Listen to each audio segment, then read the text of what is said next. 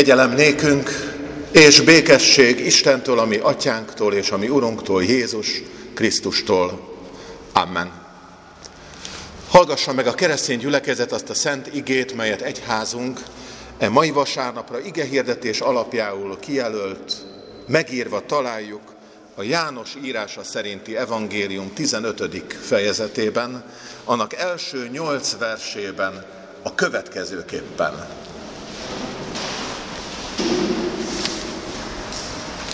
Jézus mondja, én vagyok az igazi szőlőtő, és az én atyám a szőlős gazda.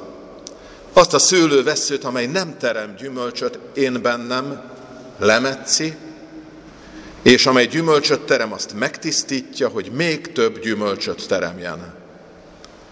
Ti már tiszták vagytok az ige által, amelyet szóltam nektek. Maradjatok én bennem, és én ti bennetek. Ahogyan a szőlővesző nem teremhet gyümölcsöt magától, ha nem marad a szőlőtőn, úgy ti sem, ha nem maradtok én bennem. Én vagyok a szőlőtő, ti a szőlővesszők. Aki én bennem marad, és én ő benne, azt terem sok gyümölcsöt, mert nélkülem semmit sem tudtok cselekedni. Ha valaki nem marad én bennem, kivetik, mint a lemetszett vesszőt, és megszárad, ezeket összegyűjtik, tűzre vetik, és elégetik.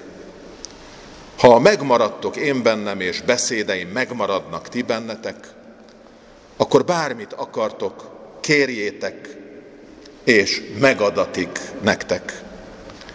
Az lesz az én atyám dicsősége, hogy sok gyümölcsöt teremtek, és akkor a tanítványaim lesztek. Amen.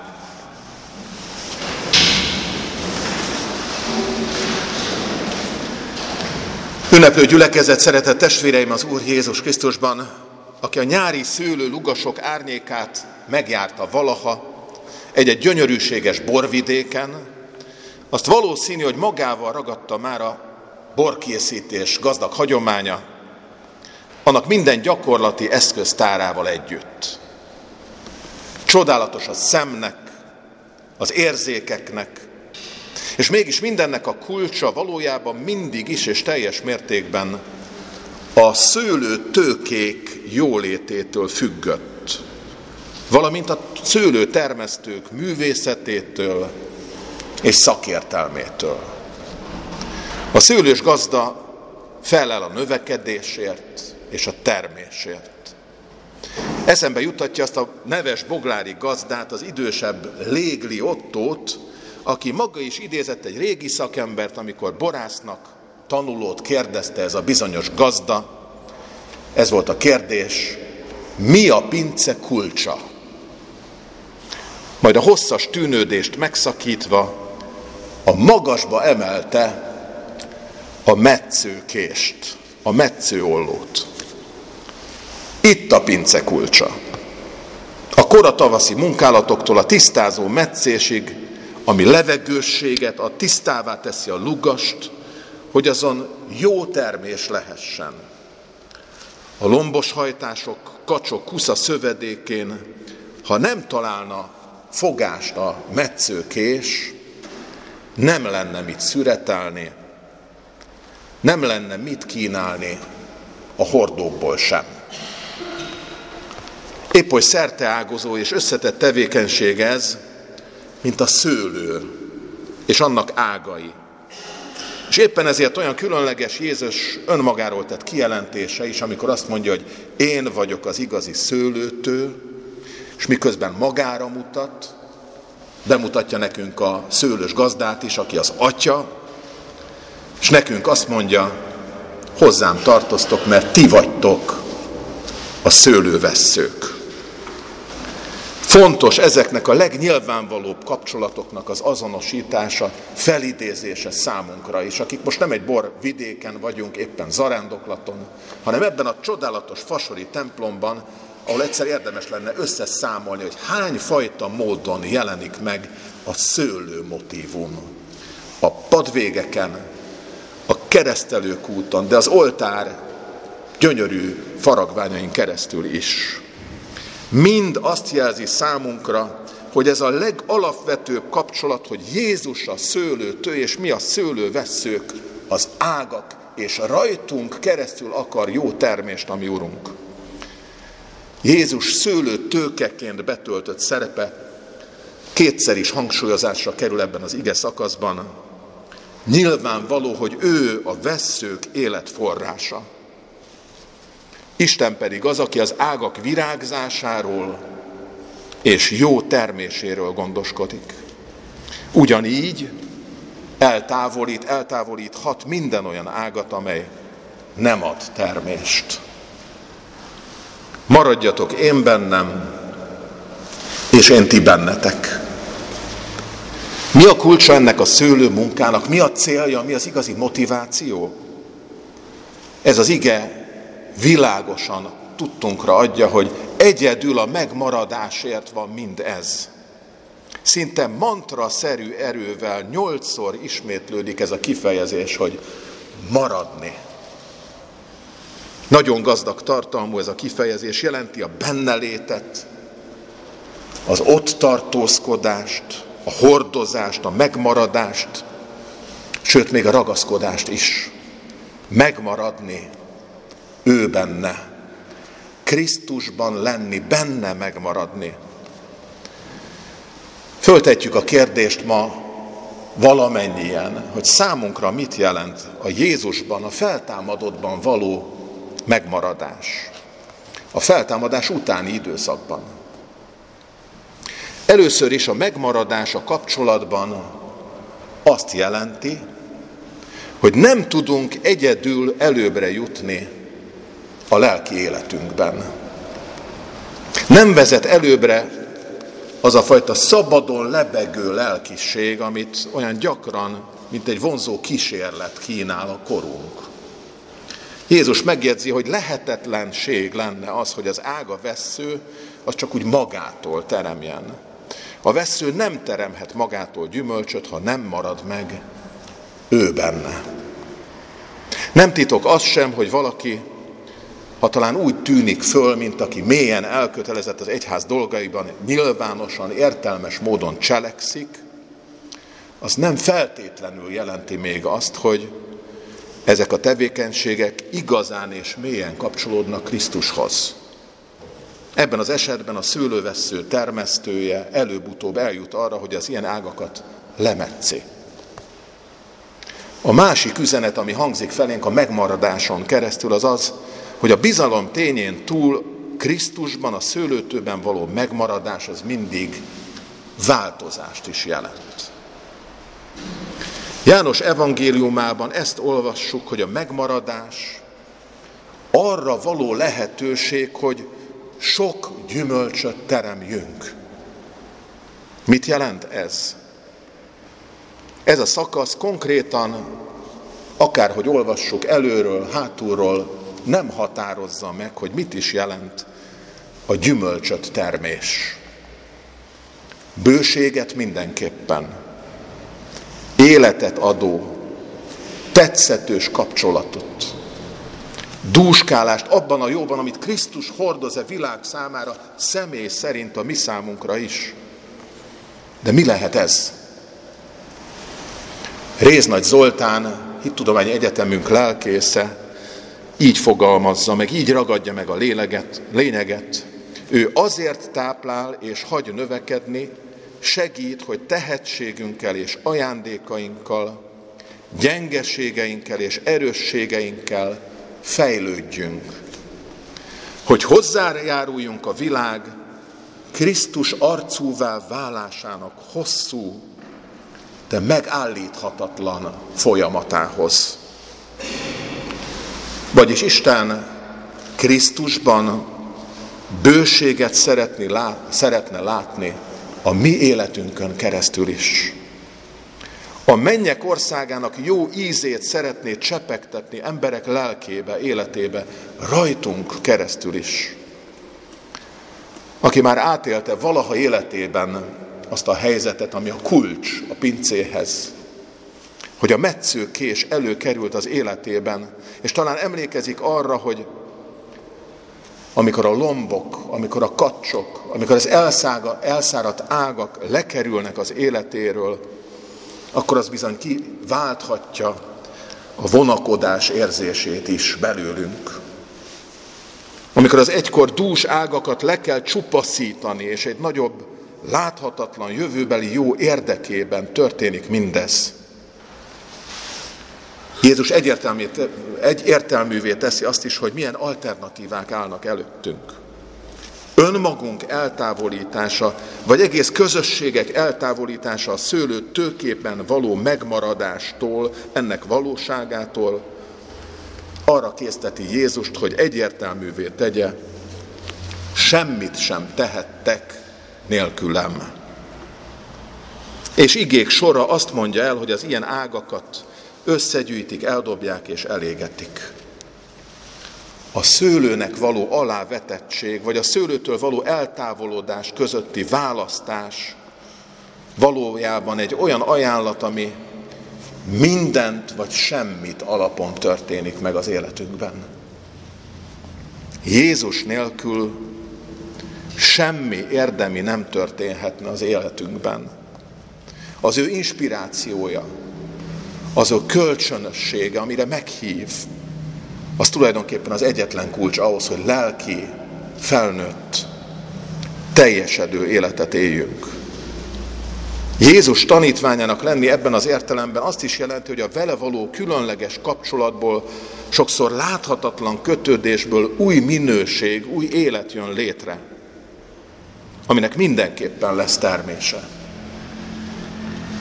Végig gondolhatjuk az egész szövetségi helyzetet ilyen módon is, hogy az új szövetség azt jelenti, hogy ezek a kapcsolatok, ezek a kötések létrejönnek. És az egyház ebben az értelemben nem a tőke, hanem a hely, ahol támasztékok, ahol talán kordonok sűrű rendszere van ott, hogy ott a kötés létrejöjjön.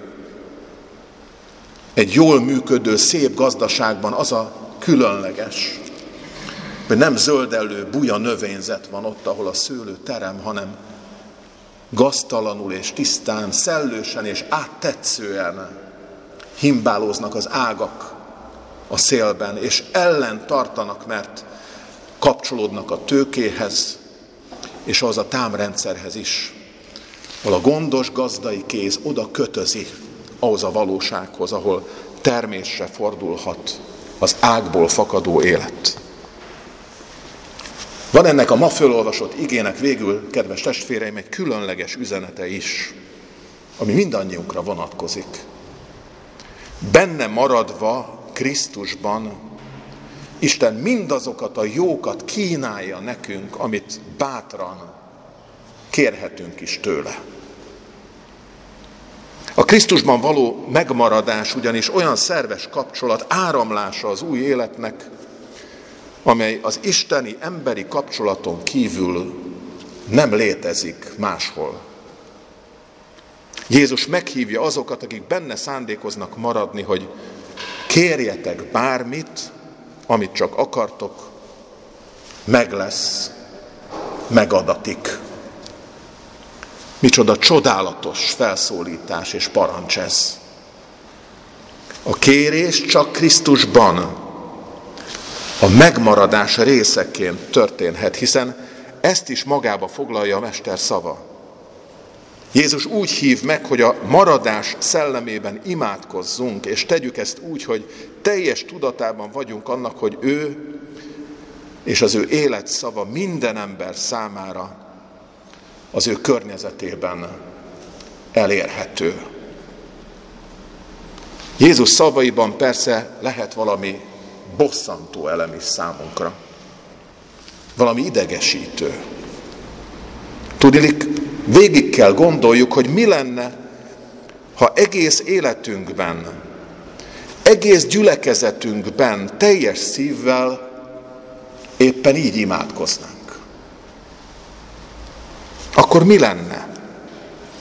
És fölteszi Mesterünk ezt a kérdést is most nekünk, hogy mikor volt az utolsó alkalom, hogy bármelyikünk, aki önmagát tanítványnak, önmagát Krisztussal kapcsolódónak tekinti, ilyen tudatos és konkrét imádkozásra szánta el magát. Vagy hívott össze egy ima alkalmat, vagy hívott föl egy gyülekezetet ilyenfajta imára. Jézus szavai két okból mutatnak készséget arra, hogy válaszoljunk a megmaradó kérdésekre. Az Istenben maradók imáira adott válasz első sorban is dicsőíti Istent azok előtt, akik esetleg kételkednek Istenben, az ő erejében. És így Isten tevékenységének a megerősítésére szolgál itt az emberi kapcsolataink között. Továbbá az emberi kérés és az isteni adakozás eredményeként Jézus azt mondja, hogy ti így, ebben a keringésben váltok újra és újra tanítványaimmá. Tanítványaimmá lettetek. A kérés bizonyítja, és része a tanítványság folyamatának mindazok számára, akik meg akarnak maradni, mint pedig azok számára, akik tanulja a megmaradók életének és cselekedeteinek.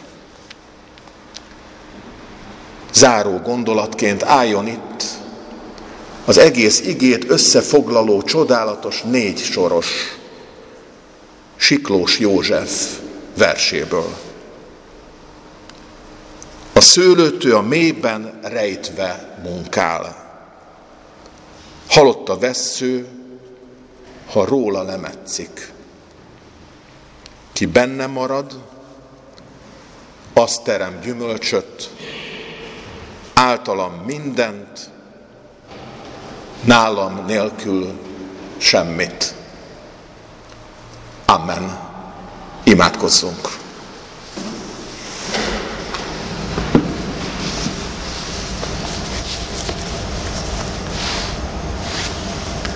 Urunk Jézusunk figyelmeztet és bátorít bennünket a Te szavad. Figyelmeztet arra, hogy benned megmaradjunk, hogy veled kapcsolatban legyünk, és bátran kérjük azt, ami a Te akaratodnak megfelelő kérés. Deríts ránk fényt, hozd el a jó gyümölcsök idejét, életünkben, gyülekezetünkben, egyházaink életében. Kérjük ugyanakkor, fordítsd felénk a mások számára fenyegetőnek tűnő metszőkést is. Tisztogass, hogy jó levegő járja át életünket hogy a gyökerekből elinduljon az áramlás felénk is. Neves el, hanem bontakoztatas ki minket egyénileg és közösségileg is. Tarts meg veled való közösségben, hogy bőségünk legyen a lelki javakból, akkor, amikor nagy az asszály, a lelki üresség, az elszakítottság és az idegenség érzése. Add a jól termő szőlő lugasok élményét itt a fasorban is, közöttünk is. Adj bőszüretet, ha eljön a te időd, és adj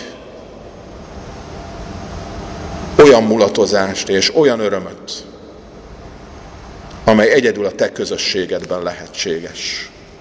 Számunkra is. Krisztus, ami Urunk által. Amen.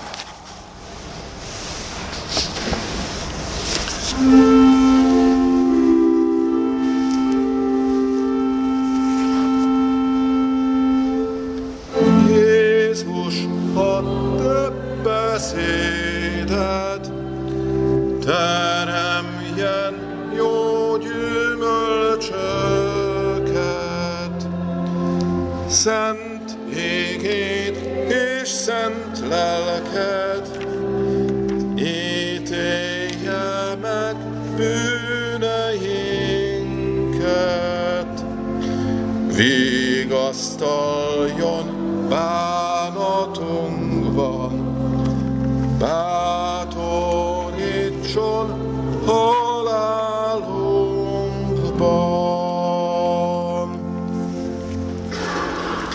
Hirdetem a gyülekezetnek, hogy Isten tiszteletünk keretében kiszolgáltatjuk Krisztus teste és vére valóságát az úrvacsora jegyeiben. Erre a közösségre hívogatunk mindenkit felekezeti hovatartozásra való tekintet nélkül, aki erre lélekben felkészült és szabad. Hirdetem továbbá azt, hogy e mai vasárnap, a hónap második vasárnapja és hagyományainkhoz híven ilyenkor gyülekezeti kávézásra, közösségre hívunk mindenkit az Isten tiszteletet követően. A gimnáziumi felújítási munkálatok miatt is erre a közösségre most a templom melletti kis kertrészen, átjáró részen lesz lehetőség. Hívogatunk mindenkit erre, hogy a nyár közepe tájékán megálljunk, és a közösség épüljön ilyen módon is közöttünk. Hirdetem azt, hogy ezen a héten is a gyülekezetünkben az őszi időszak nyitó alkalmaira történő felkészülésnek az időszaka van. Így készülünk testvér gyülekezetekkel együtt arra az alkalomra, amit már jó előre hirdettünk, hogy tudnélik templomunk építészének, Pec Samunak halála évfordulóján, századik évfordulóján, szeptember 1-én 5 órától a Fiumei úti sírkertben gyülekezünk össze, hogy Isten igéjével, imádsággal és közösséggel emlékezzünk egy nagyszerű építészre, aki templomunk mellett a Szilágyi Dezsőtéri Református és a Nagy Ignác utcai unitárius templomok alkotója is evangélikus hittestvérünk, aki a Deáktéri Evangélikus Gimnáziumban érettségizett egykoron. Erre az alkalomra szeretettel hívogatunk már most minden érdeklődőt, gyülekezeti tagot. Hirdetem továbbá azt, hogy Isten szőlőbe és az aratásra is mindig küld munkásokat, ha olykor azt érezzük, hogy szűkében vagyunk a munkásoknak akkor is. Így örömmel számolhatok be arról, hogy az eltávozó Szabó Adrien hitoktató, főállású hitoktató testvérünk nyomán Fülöp Mónika lelkész, hitoktató, hittanár testvérünk fog szolgálatba állni szeptembertől gyülekezetünkben. Bonyai Zsuzsanna mellett ő lesz a főállású hitoktatónk. Isten adjon befogadó, szerető szívet valamennyiünknek, hogy az ő szolgálatát örömmel fogadjuk, és reménységünk az, hogy a szőlő csemeték, a legkisebbek körében végzett munka is az ő szolgálata révén is bővölködő termést hoz majd gyülekezetünk és egyházunk jövője számára. Hirdetem azt, hogy a jövő vasárnapon a szokott módon 11 órától tartjuk majd istentiszteleti úrvacsorás alkalmunkat. Az elmúlt vasárnapnak a persei pénzét is hirdetem. 42.800 forint volt a felajánlás, és 10 eurót is ajánlottak testvéreink a gyülekezet javára. Isten áldása legyen az adakozókon és azok Isten tetszése szerinti felhasználásán. Ma is összegyűjtjük a felajánlásokat, a szószéki szolgálatot követően presbiter testvéreink vannak ebben segítségünkre. A záróoltári szolgálat keretében imádságban hordozzuk Liptai Sándorné testvérünket, aki az elmúlt napokban elveszítette a földi élet keretében drága testvérét, Károly öccsét, a vigasztalás Istene adjon erőt, bátorítást testvérünk számára, a gyász hordozása közben is az éltető Krisztusban való megmaradás legyen élménye valamennyünknek. Végezetül Istennek békessége, mely minden értelmet meghalad, őrizze meg szíveinket és gondolatainkat Krisztus Jézusban. feltámadott Urunkban. Amen.